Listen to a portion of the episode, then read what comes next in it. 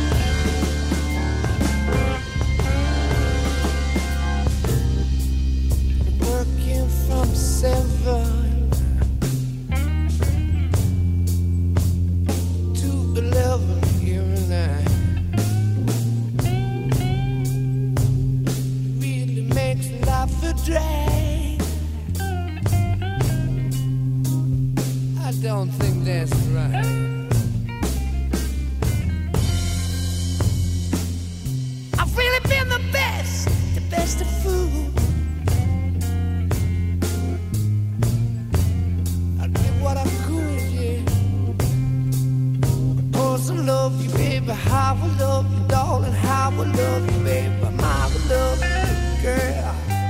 Little girl. Baby, since I've been loving you, yeah.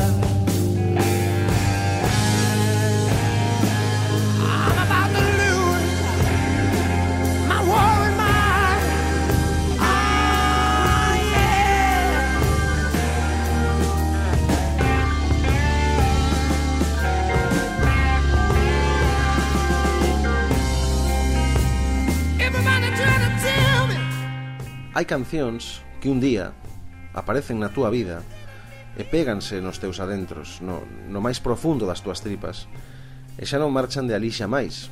Ti segues a escoitar esas cancións, aínda que non estean eh, a soar. De feito, segues a escoitalas, aínda que sexan outras as cancións que nese momento están a soar. Todo o tempo escoitas, case sen querer, esas cancións que levas agarradas ás paredes das túas tripas recoñécelas noutros discos. De algún xeito tes a impresión de que case todo soa realmente eh, a esas outras cancións que de súpeto convértense eh, na túa referencia, como se fosen unha especie de modelo de, de magnitude indivisible que utilizas para medir todas as demais cancións que coñeces. Adoitan ser temas que se escriben dunha soa brochada, con decisión, pero que ao mesmo tempo participan desa clase de pequena xeometría, desa arquitectura mínima e perfecta coa que se construen as pezas únicas. E para min, unha desas cancións é Immigrant Song de Led Zeppelin. Eu tiña 16 anos cando a descubrín o poñer no tocadiscos dun amigo o Led Zeppelin 3, é dicir, o terceiro álbum da banda, o terceiro álbum de, de Led Zeppelin, que publicaron en outubro do ano 1970 Lembro que pousei a agulla sobre o vinilo e Immigrant Song comezou a soar. E sen apenas tempo para reaccionar, porque non sabía o que ia escoitar, tiven a extraña sensación eh, de estar a entrar nalgúna especie de aquelarre clandestino e imposible, non? Esa voz de Robert Plant, ese berro de guerra co que arrinca o tema, non? Parecía provir dun tempo antigo, dun tempo xa esquecido eh, e de algún lugar moi lonxe de onde eu me atopaba nese momento. No espírito da canción había algo salvaxe, como se se tratara dun gran felino furioso e acurralado dando renda solta aos seus instintos máis primitivos. E digo que había algo salvaxe nese tema, eh, pero quero dicir que aínda o hai. Aínda hoxe pareceme sentir a mesma electricidade cada vez que o escoito, propagándose como un incendio polo meu sistema nervioso. Hai algo hipnótico nese riff continuo e reiterativo eh, co que a guitarra de Jimmy Page e o baixo de John Paul Jones realzan o ritmo da batería que percute sen descanso durante toda a canción. Os tres instrumentos, perfectamente aliñados, retumban durante todo o tema como unha horda de vikingos en plena conquista.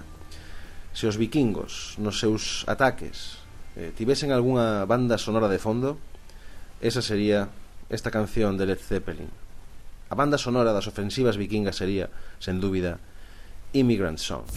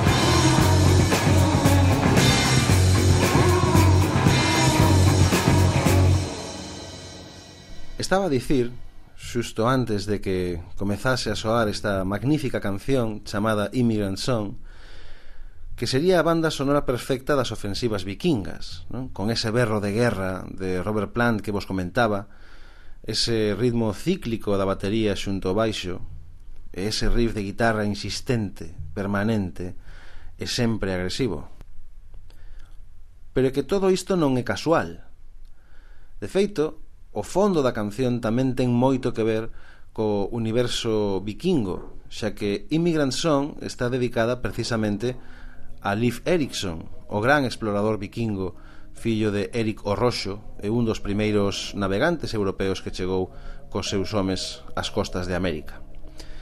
Na letra da canción descríbese a expedición das naves vikingas barrendo os seus remos dende, e abro comiñas, a terra do xeo e a neve de, dende o sol de medianoite, cara as novas costas do oeste.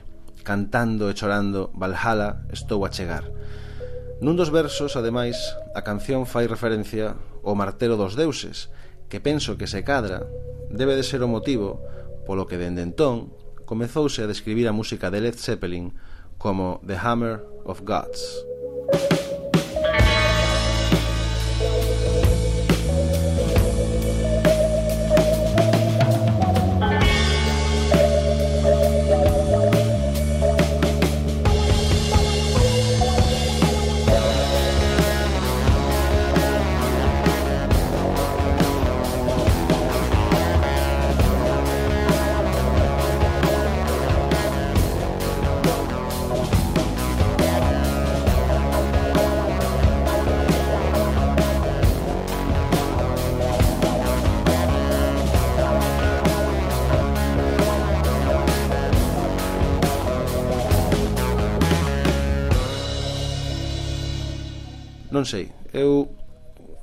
confeso que a min pareceme incrible o, o nivel de Led Zeppelin a, a calidade da súa música e a, e a calidade das súas letras das, das temáticas tratadas nas súas cancións a súa calidade lírica pareceme incrible a súa calidade artística non? sen dúbida é unha das mellores bandas de rock ou seja, é unha das mellores bandas de calquera xénero de todos os tempos, non? Uns músicos excepcionais, uns, uns autores dun talento descomunal, desmesurado.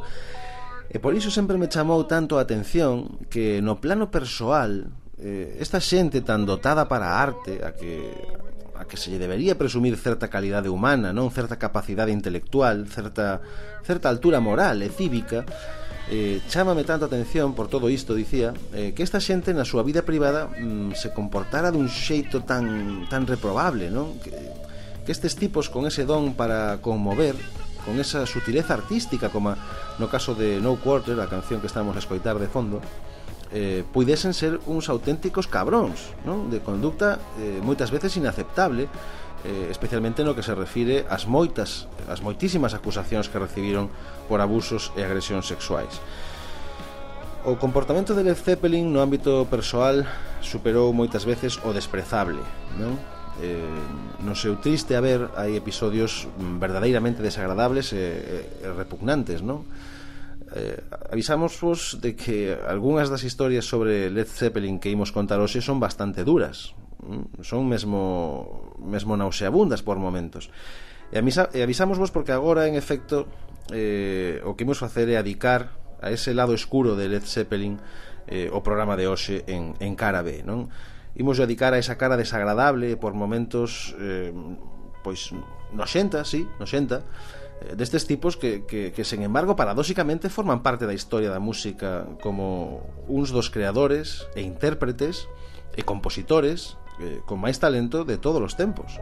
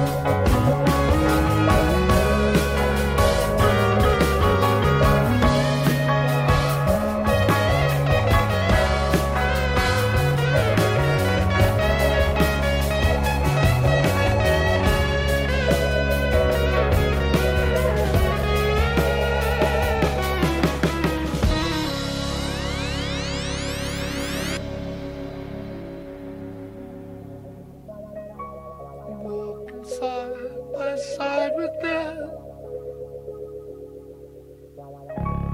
Devil mops their every step. Snow drives by the foot that's slow. The dogs of doom are howling more. They carry news that.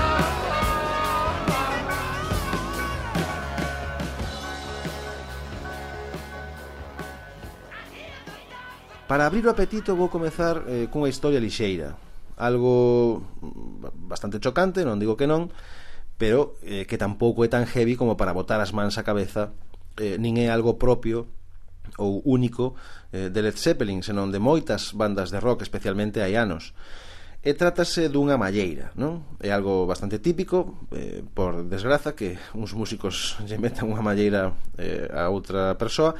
O que pasa é que neste caso eh, típico quero decir no, no, nos, nos roqueiros dos anos 70 non?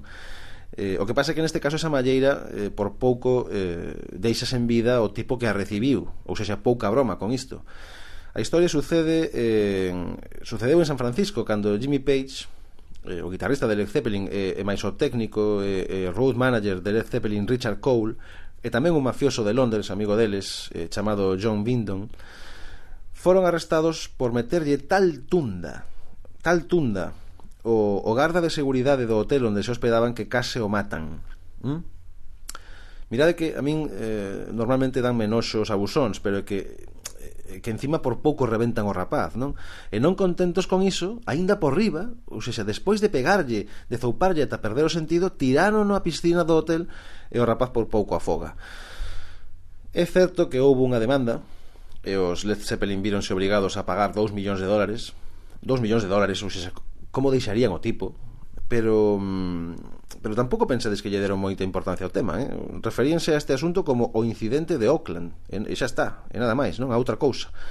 Claro que tendo en conta que Jimmy Page en certa ocasión pinchou na cara a unha muller de noite nun bar únicamente porque ela recoñeceuno e foi falar con el cando el estaba de moi mal humor, quero dicir, tendo en conta que non lle importou furarlle a cara a aquela rapaza solamente por iso, pois supoño que o do, o do garda de seguridade do hotel pois pareceríalle unha cousa sen importancia.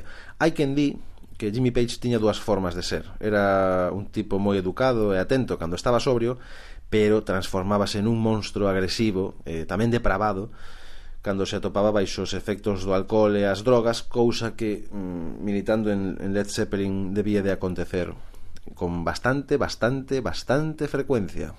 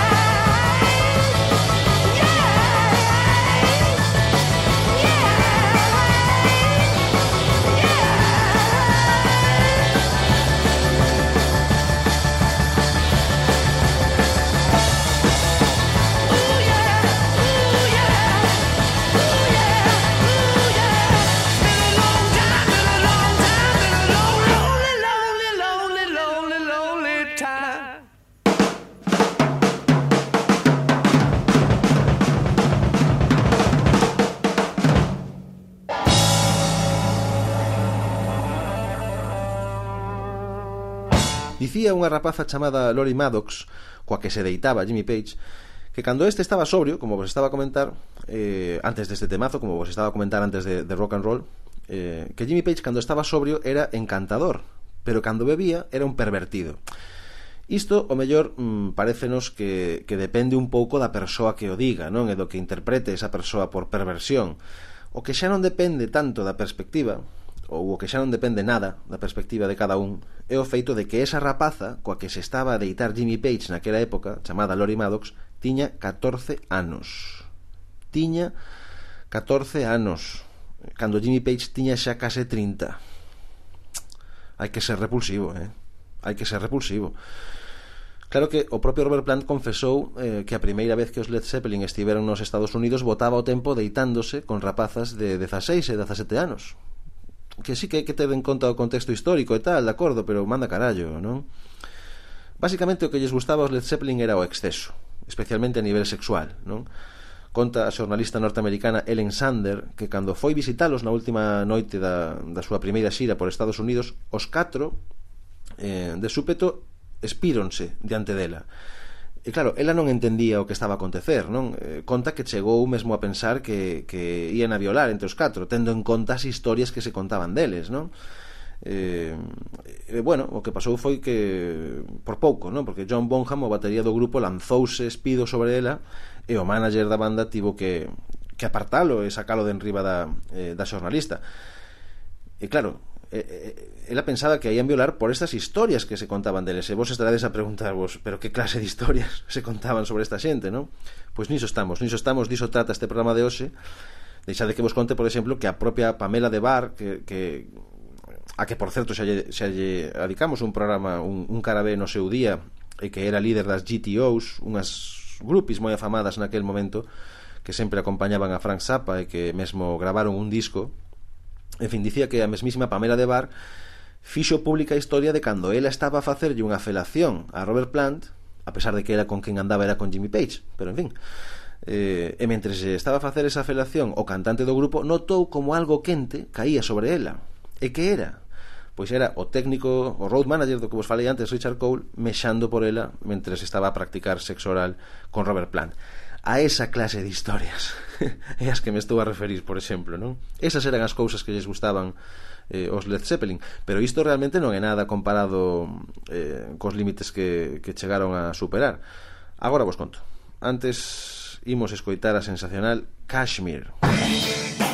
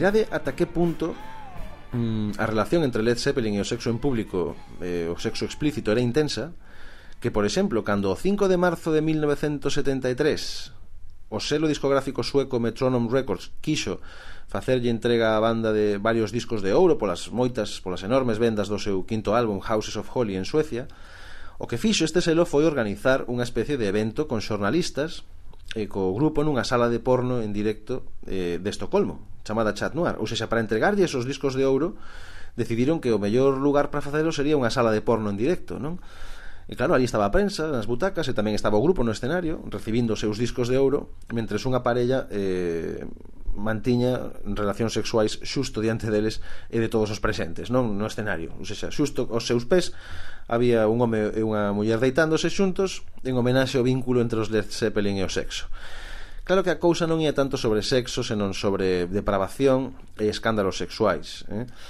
Bueno, sexuais e de todo tipo, en realidade. Era como se foran adictos a sensacións máis extremas. Eh, e todo, todo adoitaba comezar no avión privado que, que, les, que les tiñan, no avión eh, privado que utilizaban para, para desplazarse no seu avión, un Boeing 720 chamado Starship, que mm, estaba provisto de camas e de habitacións de luxo onde o grupo organizaba orxías cada vez que tiñan que voar eh, algunha parte, non? En certa ocasión, no mes de agosto do ano 1975, atopábanse os membros do grupo en plena orxía con varias rapazas eh, durante unha desas viaxes en avión, cando de súpeto apareceu a batería, John Bonham, mm, apareceu nestas, nesta zona onde estaban as camas vestido coa roupa do capitán, non sei por qué. Eh, el beberase unha botella inteira de Jack Daniels e tiña ganas de, pois, de montar unha, unha boa, non? Entón espiuse e colleu a panca que accionaba a apertura das portas de emerxencia do avión. Non? Entón, claro, o aquel tipo borracho eh, suxeitando aquela panca que o activala eh, accionaba as, as portas do avión pois imaginadevos, as rapazas que estaban ali a manter relacións sexuais cos outros membros do grupo pois non paraban de gritar lóxicamente, non? porque se, se Bonham tiraba daquela panca sairían todos voando polos aires en, en caída libre e por sorte o manager do grupo outra vez e o técnico Richard Cole conseguiron saltar sobre el eh, para detelo.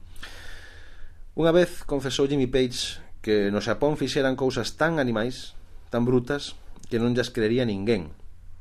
Sabemos que unha vez apareceu unha cabina telefónica pública na súa habitación de hotel pola mañá, en Tokio. Pero bueno, ben, va, iso nada, non? Para un grupo de rock Eh, tamén sabemos que mercou unha katana e adicouse a esnaquizar unha colección de pinturas medievais da época do Xapón feudal que seguramente tiñan un valor incalculable pero, insisto, iso, pois ben, eh, rock and roll. Eh, supoño que en realidade nunca saberemos cales foron aquelas animaladas eh, que eles din que cometeron ali pero tendo en conta que foron descritos como un zoolóxico de pervertidos algunha idea podemos facernos. Hey, hey,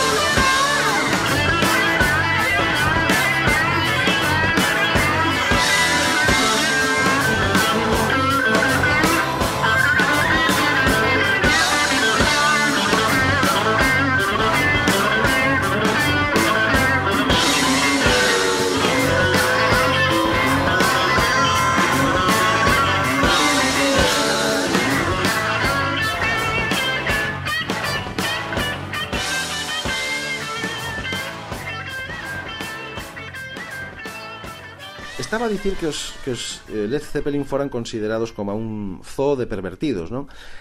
E aínda que iso das perversións é algo moi persoal, porque mm, eh, haberá que haberá quen considere eh, pervertidas determinadas determinadas conductas que a outros lles pois parecerán estupendamente ben, o certo é que hai unha anécdota de Led Zeppelin que quizáis sirva para ilustrar eh, todas as demais. En lugar de contar un montón de, de anécdotas eh, en teoría pervertidas, vou contar unha súa historia eh, seguramente xa vos facedes unha idea de, de cales eran os gustos dos Led Zeppelin. Aconteceu en xullo de 1969.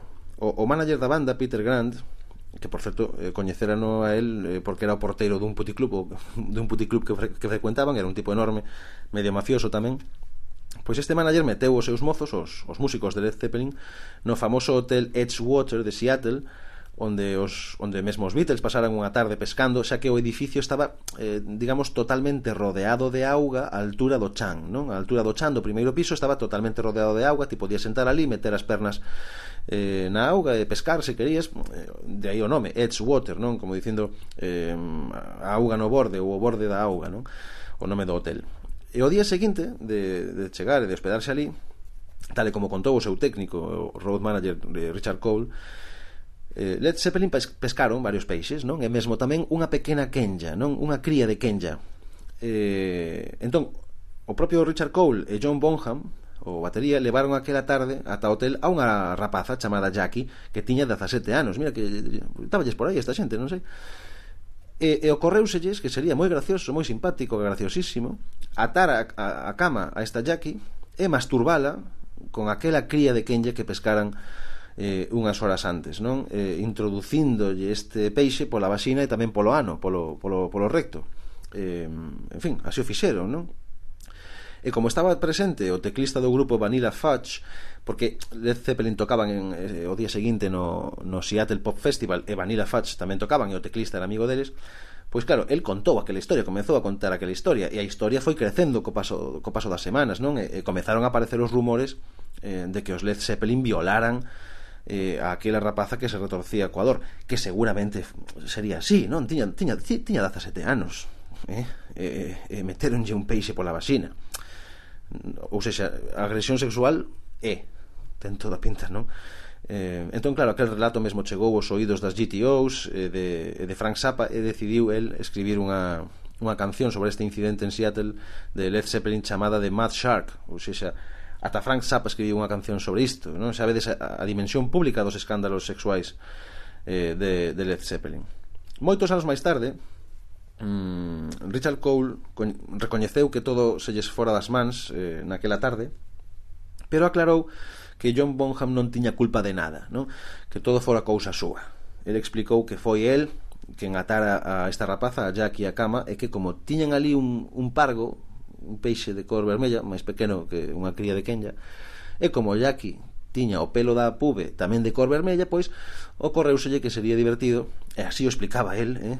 non, é cousa, non é cousa miña, introducirlle un peixe vermello no seu peixe vermello. Estas foron as súas palabras, non? Simpatiquísimo o tipo. Eh, bueno, el dixo que a ela gustara ya que la práctica, e eh, que mesmo lembraba que lle zoupara a ela, a Jackie, coa, coa cría de Kenya, mentras estaban na cama, pero que, dicía el, eh, que fora todo con consentido. Non sei.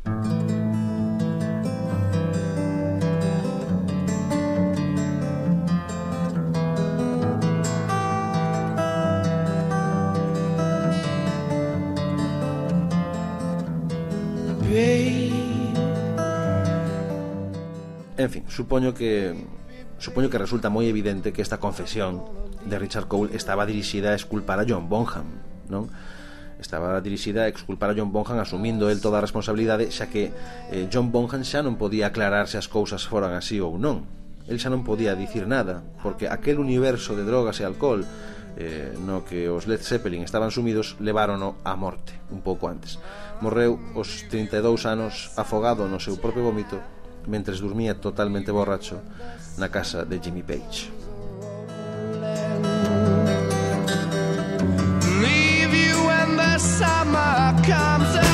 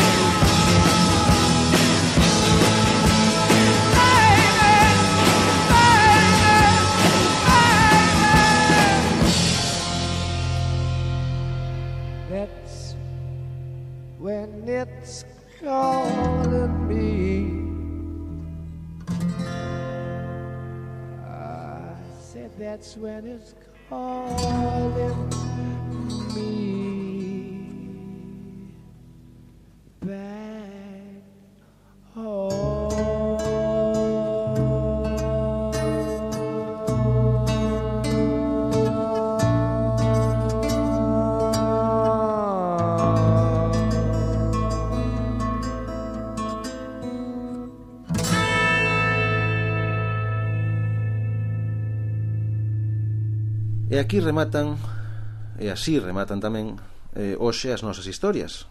Eh, historias sobre unha banda capaz de achegarse aos ceos coa súa música e de afundirse nos infernos cos seus escándalos, non?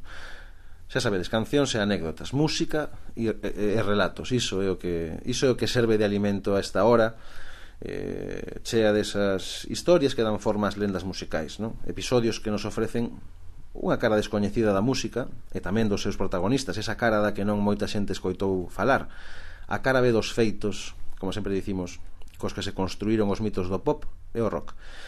Esperamos que desfrutasedes tanto como a nós e que a vindeira semana regresedes connosco a este outro lado oculto da música. Agardamos por todos vos na nosa e polo tanto na vosa cara B.